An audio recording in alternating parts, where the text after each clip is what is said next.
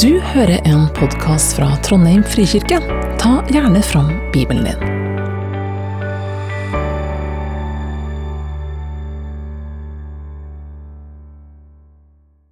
Hei, er det ikke fint å synge hva vi tror på?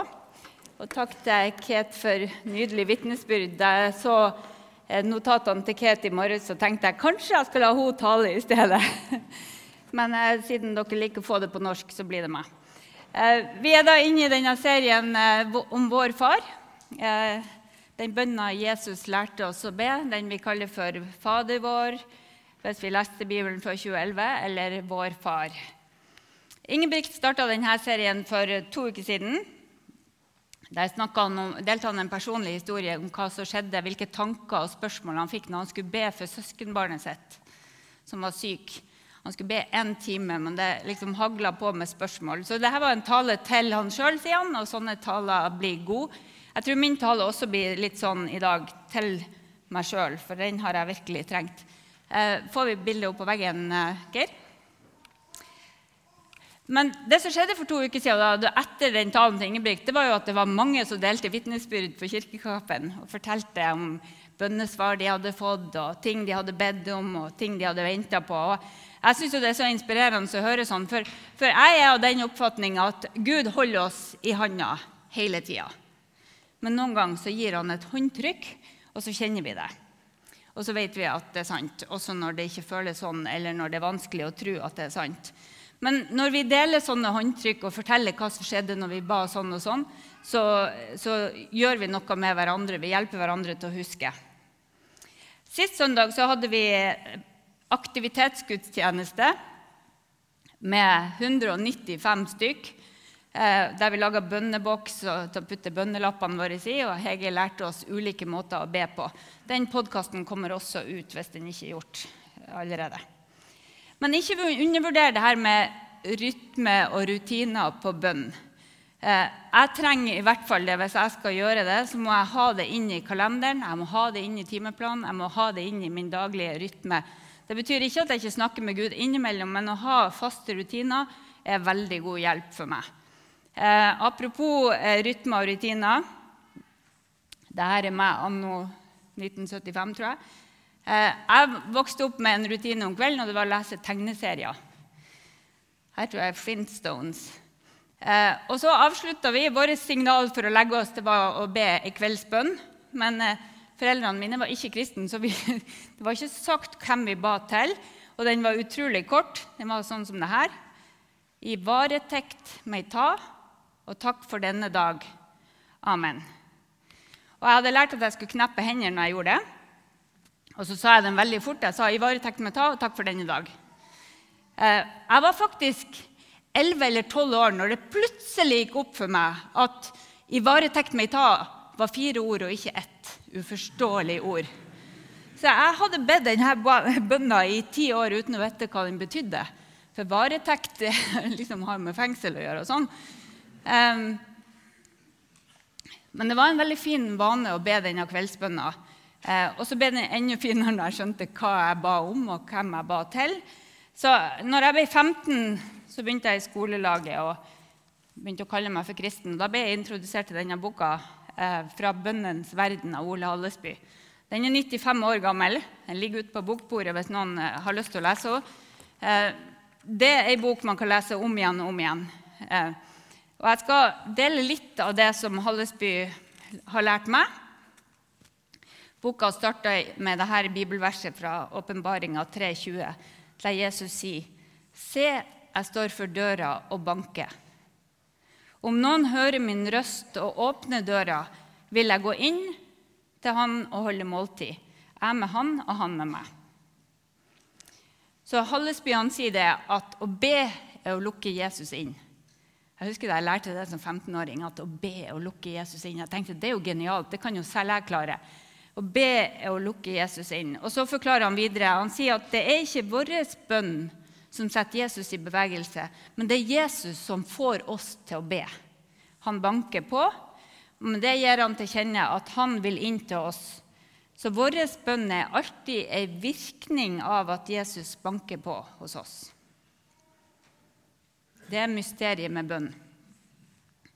at det er Jesus som får oss til å be. Bønn er virkninga at han banker på. Så be er å lukke Jesus inn.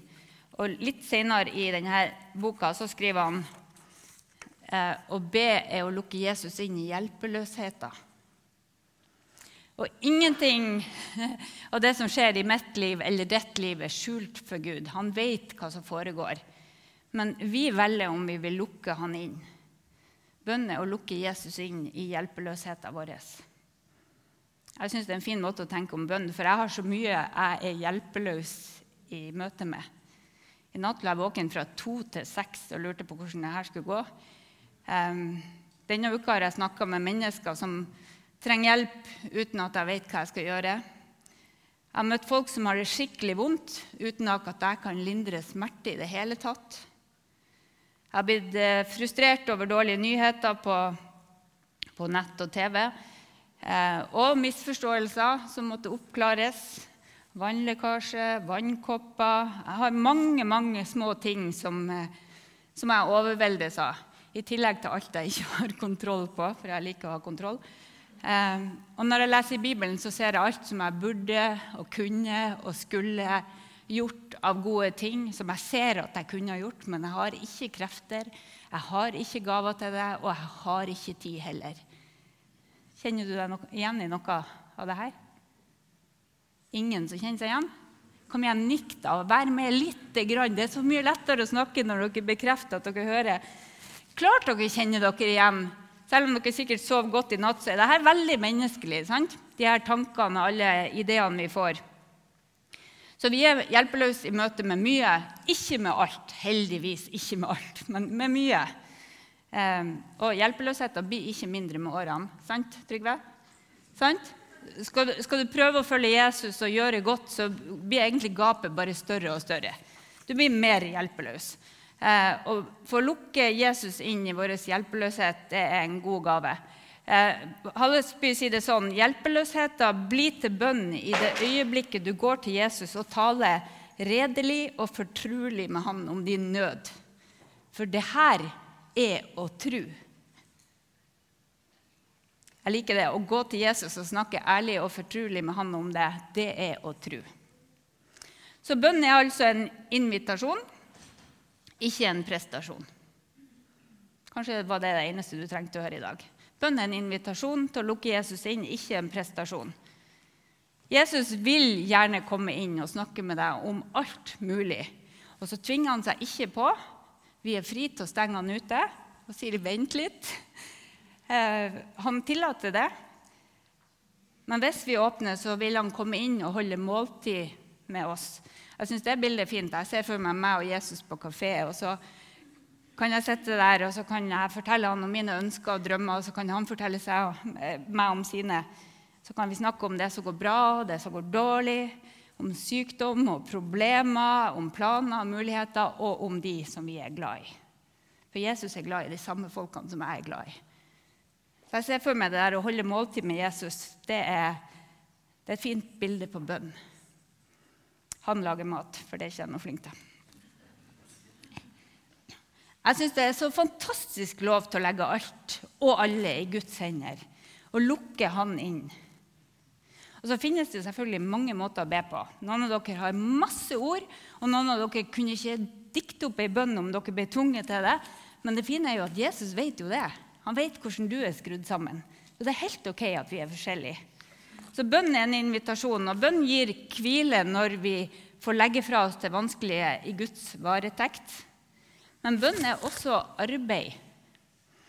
Eh, det er viktig arbeid. Og her er det god hjelp å få i rekkefølgen i Vår Far.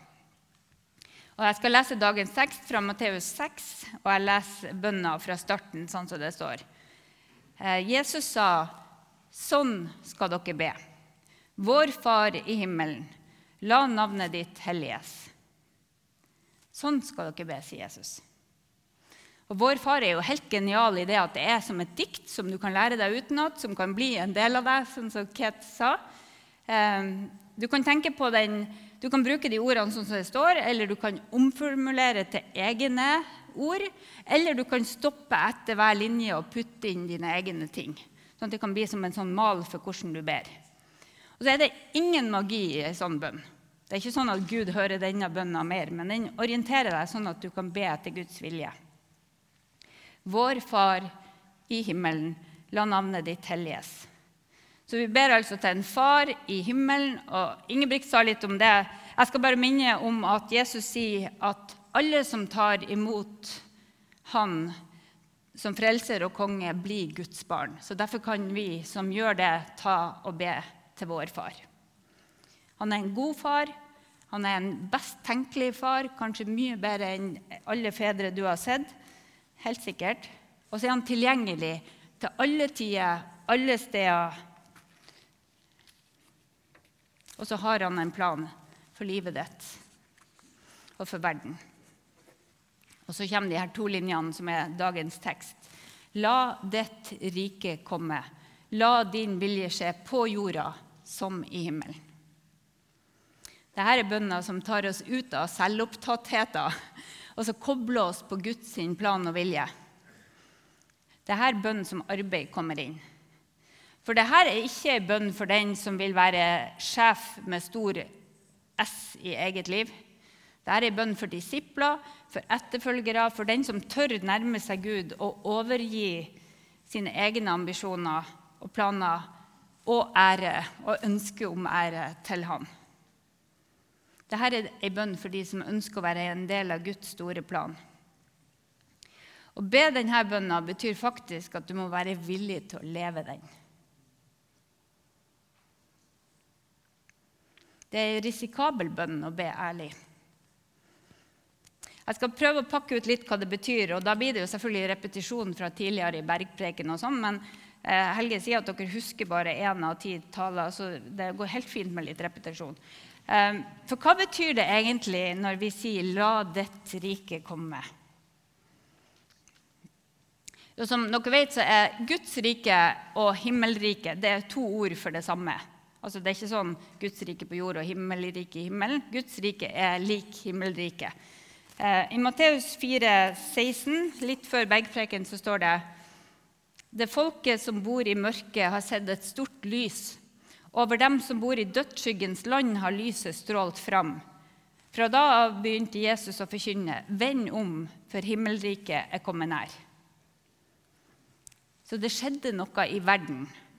Jødene hadde lengta etter det, profetene hadde beskrevet det, og nå var det kommet. Guds rike er kommet nær i Jesus. For det var Guds rike Jesus kom for å etablere. Han er lyset som stråler frem. Han er kongen, han er Guds sønn, han er verdens frelser. Guds rike er kommet, og Jesus sier, 'Vend om og følg meg'.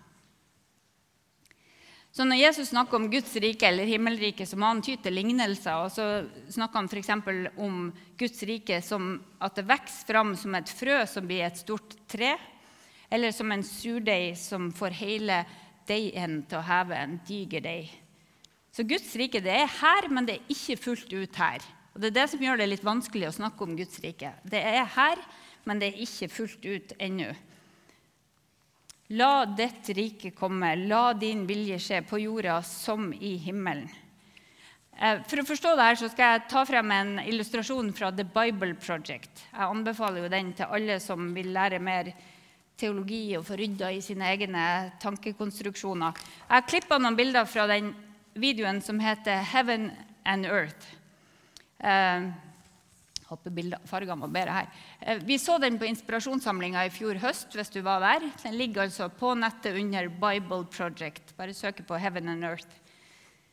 Men her ser dere altså himmel og jord tegna som to sirkler. Den grønne eller blågrønne til venstre der, det er himmelen, der Gud er til stede. Og Det er mye vi ikke forstår om himmelen, men vi har en hel masse bilder i Bibelen, og vi vet at der er det fantastisk godt, og Gud er der.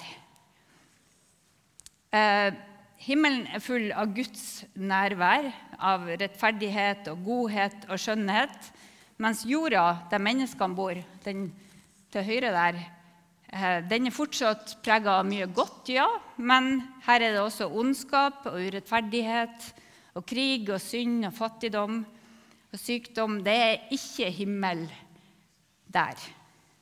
Det er ikke himmel her, til høyre, der vi bor.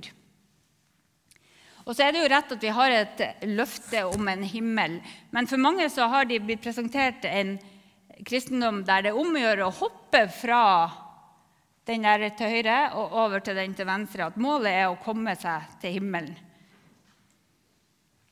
Og det er noe sant i det at vi skal få lov å være i himmelen sammen med Jesus etter at vi dør. Men tenk på eh, Det er viktig at vi snakker rett om det her. fordi at hvis vi tror at det egentlige livet, det evige livet, starter etter døden, så er det livet vi lever her på jorda, bare å være på et venterom. Og det å be 'la ditt rike komme' betyr jo egentlig at 'ta meg ut herifra'. La det her bli kortest mulig. Henger dere med? Det er ikke sånn Jesus snakka om Guds rike. Han snakka ikke om at målet bare var der fremme. Han snakka at Guds rike er her. Vend om, følg meg. Og Da tar vi en rask gjennomgang fra Mosebøkene til åpenbaringa. For hvor starta det? Jo, i begynnelsen så overlappa himmel og jord helt og fullt. Det var en hage. Guds verden og menneskenes verden var den samme. Det er en beskrivelse av paradiset. Himmel på jord. Men Gud skapte mennesket i sitt bilde, og menneskene fikk frihet til å velge om de ville bygge en verden i harmoni med Gud, eller om de ville gjøre det på sin måte, uavhengig av Gud. Og I kapittel 3 i første Mosebok så fortelles det at mennesket valgte uavhengighet. Mennesket valgte å bygge en verden der de sjøl definerte hva som er rett og galt, hva som er ondt og godt. Så mennesket fjerna seg fra Gud. Vi kan tegne det sånn at Himmel og jord blir dratt fra hverandre. De to sirklene blir dratt fra hverandre. Men det er fortsatt overlapp mellom dem, for du kan jo ikke kaste Gud ut av skapelsen. Så Gud er fortsatt begge steder. Eh, men så kan vi lese at eh, Eh, menneske, nei, at, eh, se, Vi må holde oss her. Jeg var litt dårlig forberedt her. Vi kan lese at Gud tar bolig i tempelet, og gjennom å ofre dyr så kunne menneskene komme nær til Gud i den lilla overlappet mellom de her sirklene. Men så skjer jo det som vi eh, ofte snakker om. Så kommer Jesus til jorda.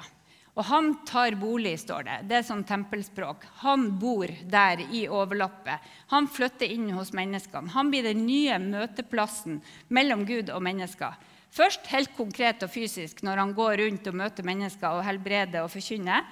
Og når tida er inne, så dør han, og på korset der han tar på seg verdens synd og skyld, sånn at ingenting mer skal skille oss fra Gud, fra Guds kjærlighet så Guds rike er nær. Det vokser fram. Og vi kan tegne det sånn.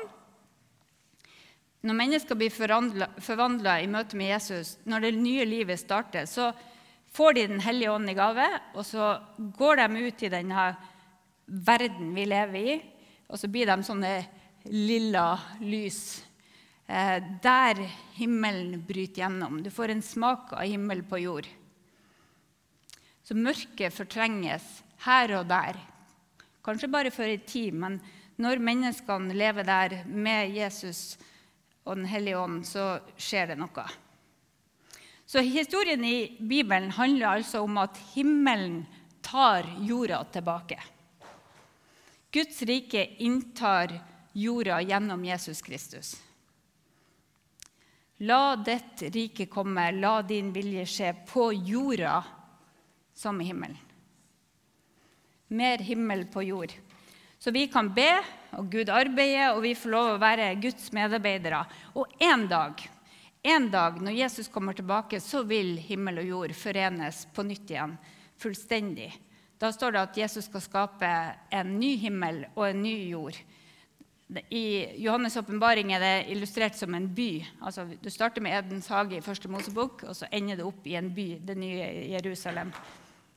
Og Dette er jo bilder på noe som vi ikke kan se for oss, men det står at der skal Gud være til stede.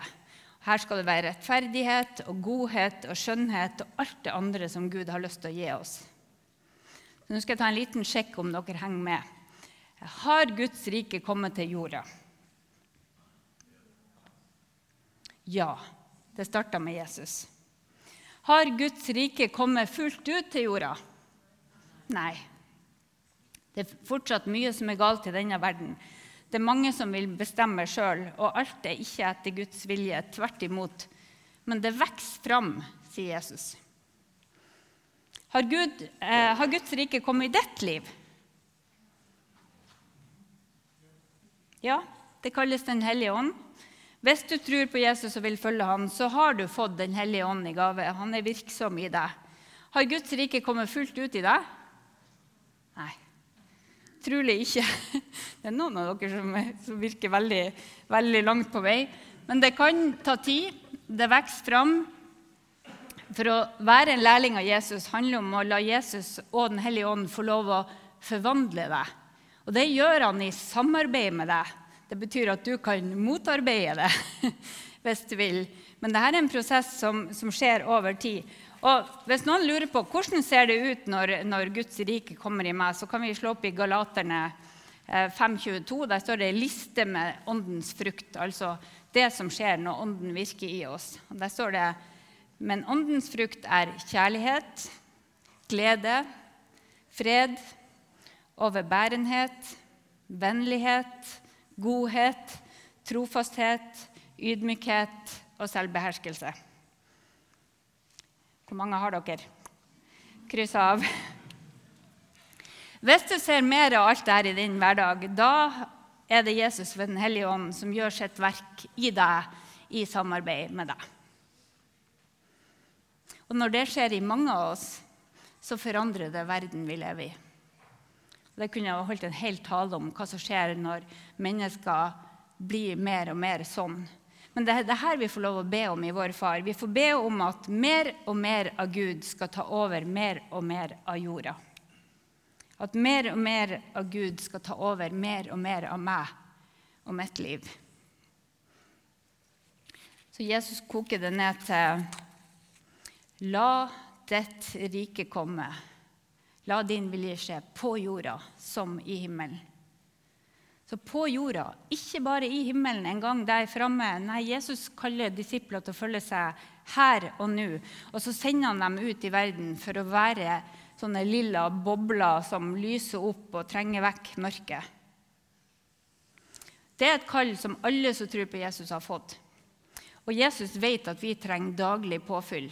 Ja, Han trengte faktisk det sjøl. Hvis du leser gjennom evangeliene, så måtte Jesus trekke seg tilbake for å være sammen med sin far i stillhet og i bønn. Antagelig så ba han vår far. Kanskje han sa 'min far'. Kan jo hende. Um, så vi får tilgang til å be om krefter og energi og visdom. Og likevel er det så mye i meg som gjør at jeg ikke ber.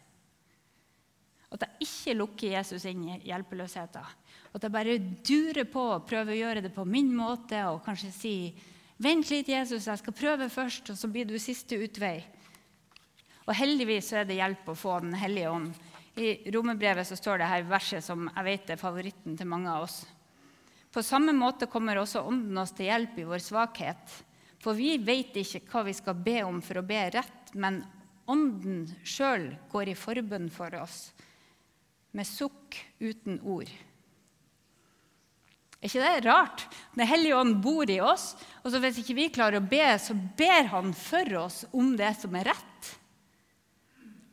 Du snakker om å være lukka inn i hjelpeløsheten.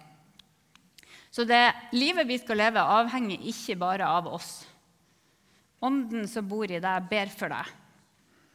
Å be er å lukke Jesus inn i hjelpeløsheten. La ditt rike komme, la din vilje skje på jorda som i himmelen. Be sånn, sier Jesus. Jeg hørte en fin historie i forrige uke som, som jeg skal dele med dere. Den eh, kommer i en bok som blir gitt ut i morgen, tror jeg. Eh, Tyler Staten han er pastor i Bridgetown i Portland.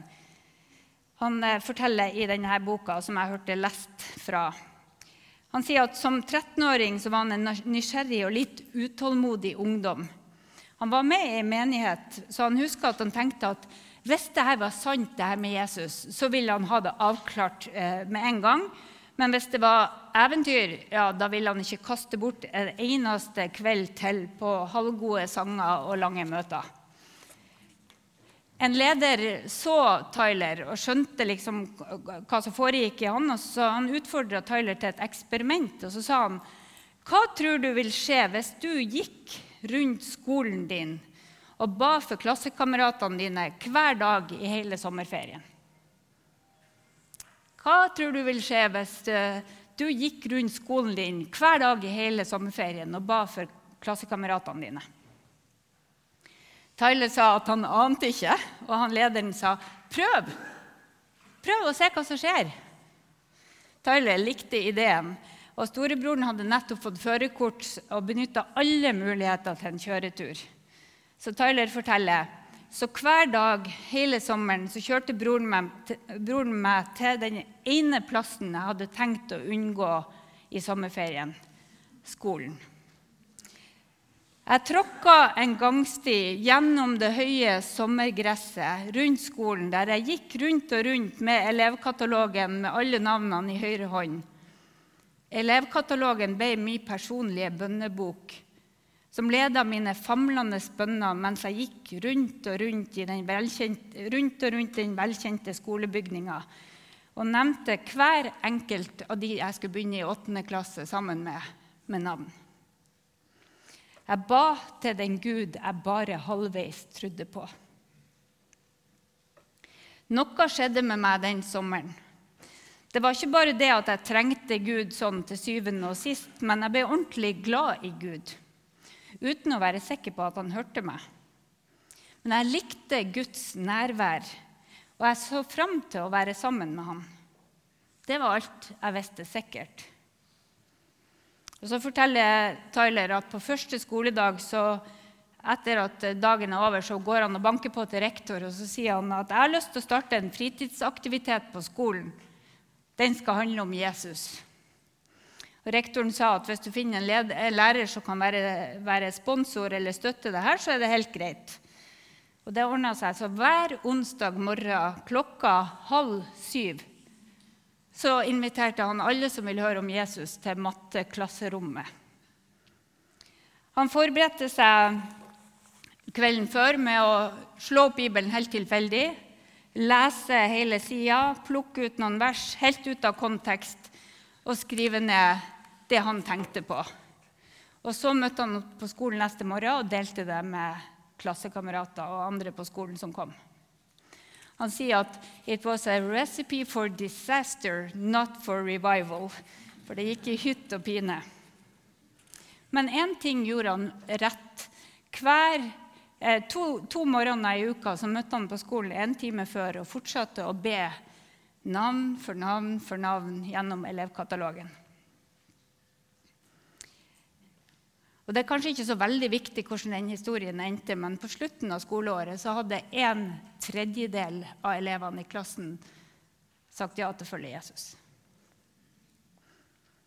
Det er en sterk historie som utfordrer meg veldig. fordi at kanskje jeg skal gå opp noen sånne bønnestier rundt noen mennesker som Gud minner meg om. Kanskje jeg skal bli mer systematisk. I min forbønn. Jeg fant bønneboka mi fra 1991. Den hadde side opp og side ned med navn som jeg ba for hver dag. Nå har jeg en sekkepost. Alle dem der, alle dem der. Kanskje jeg skal bli flinkere. Eh, I alle fall altså Ikke for å bli flinkere, men for å oppleve det han Tyler beskriver som å være i Guds nærhet og glede meg over samværet og samtalene med Han. Jeg har lyst til å be la ditt rike komme, la din vilje skje i mitt liv som i himmelen. På min skole som i himmelen. I min hverdag, på min arbeidsplass, i min familie. I vårt land, ja, i hele verden, Jesus. La ditt rike komme på jorda som i himmelen. Skal vi be denne bønna sammen? Eh, kan vi reise oss, og så ber vi vår far, og så tar vi en liten pause når vi eh, har lest den linja som er dagens tema. Og så putter du inn de bønnene som Gud har minnet deg om. Vår Far i himmelen. La navnet ditt helliges. La riket ditt komme. La viljen din skje på jorden slik som i himmelen.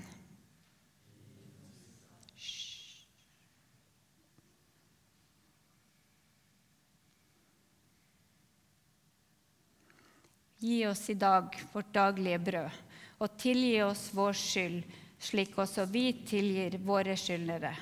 Og la oss ikke komme i fristelse, men frels oss fra det onde. For riket er ditt, og makten og æren i evighet. Amen. Vær så god, sitt.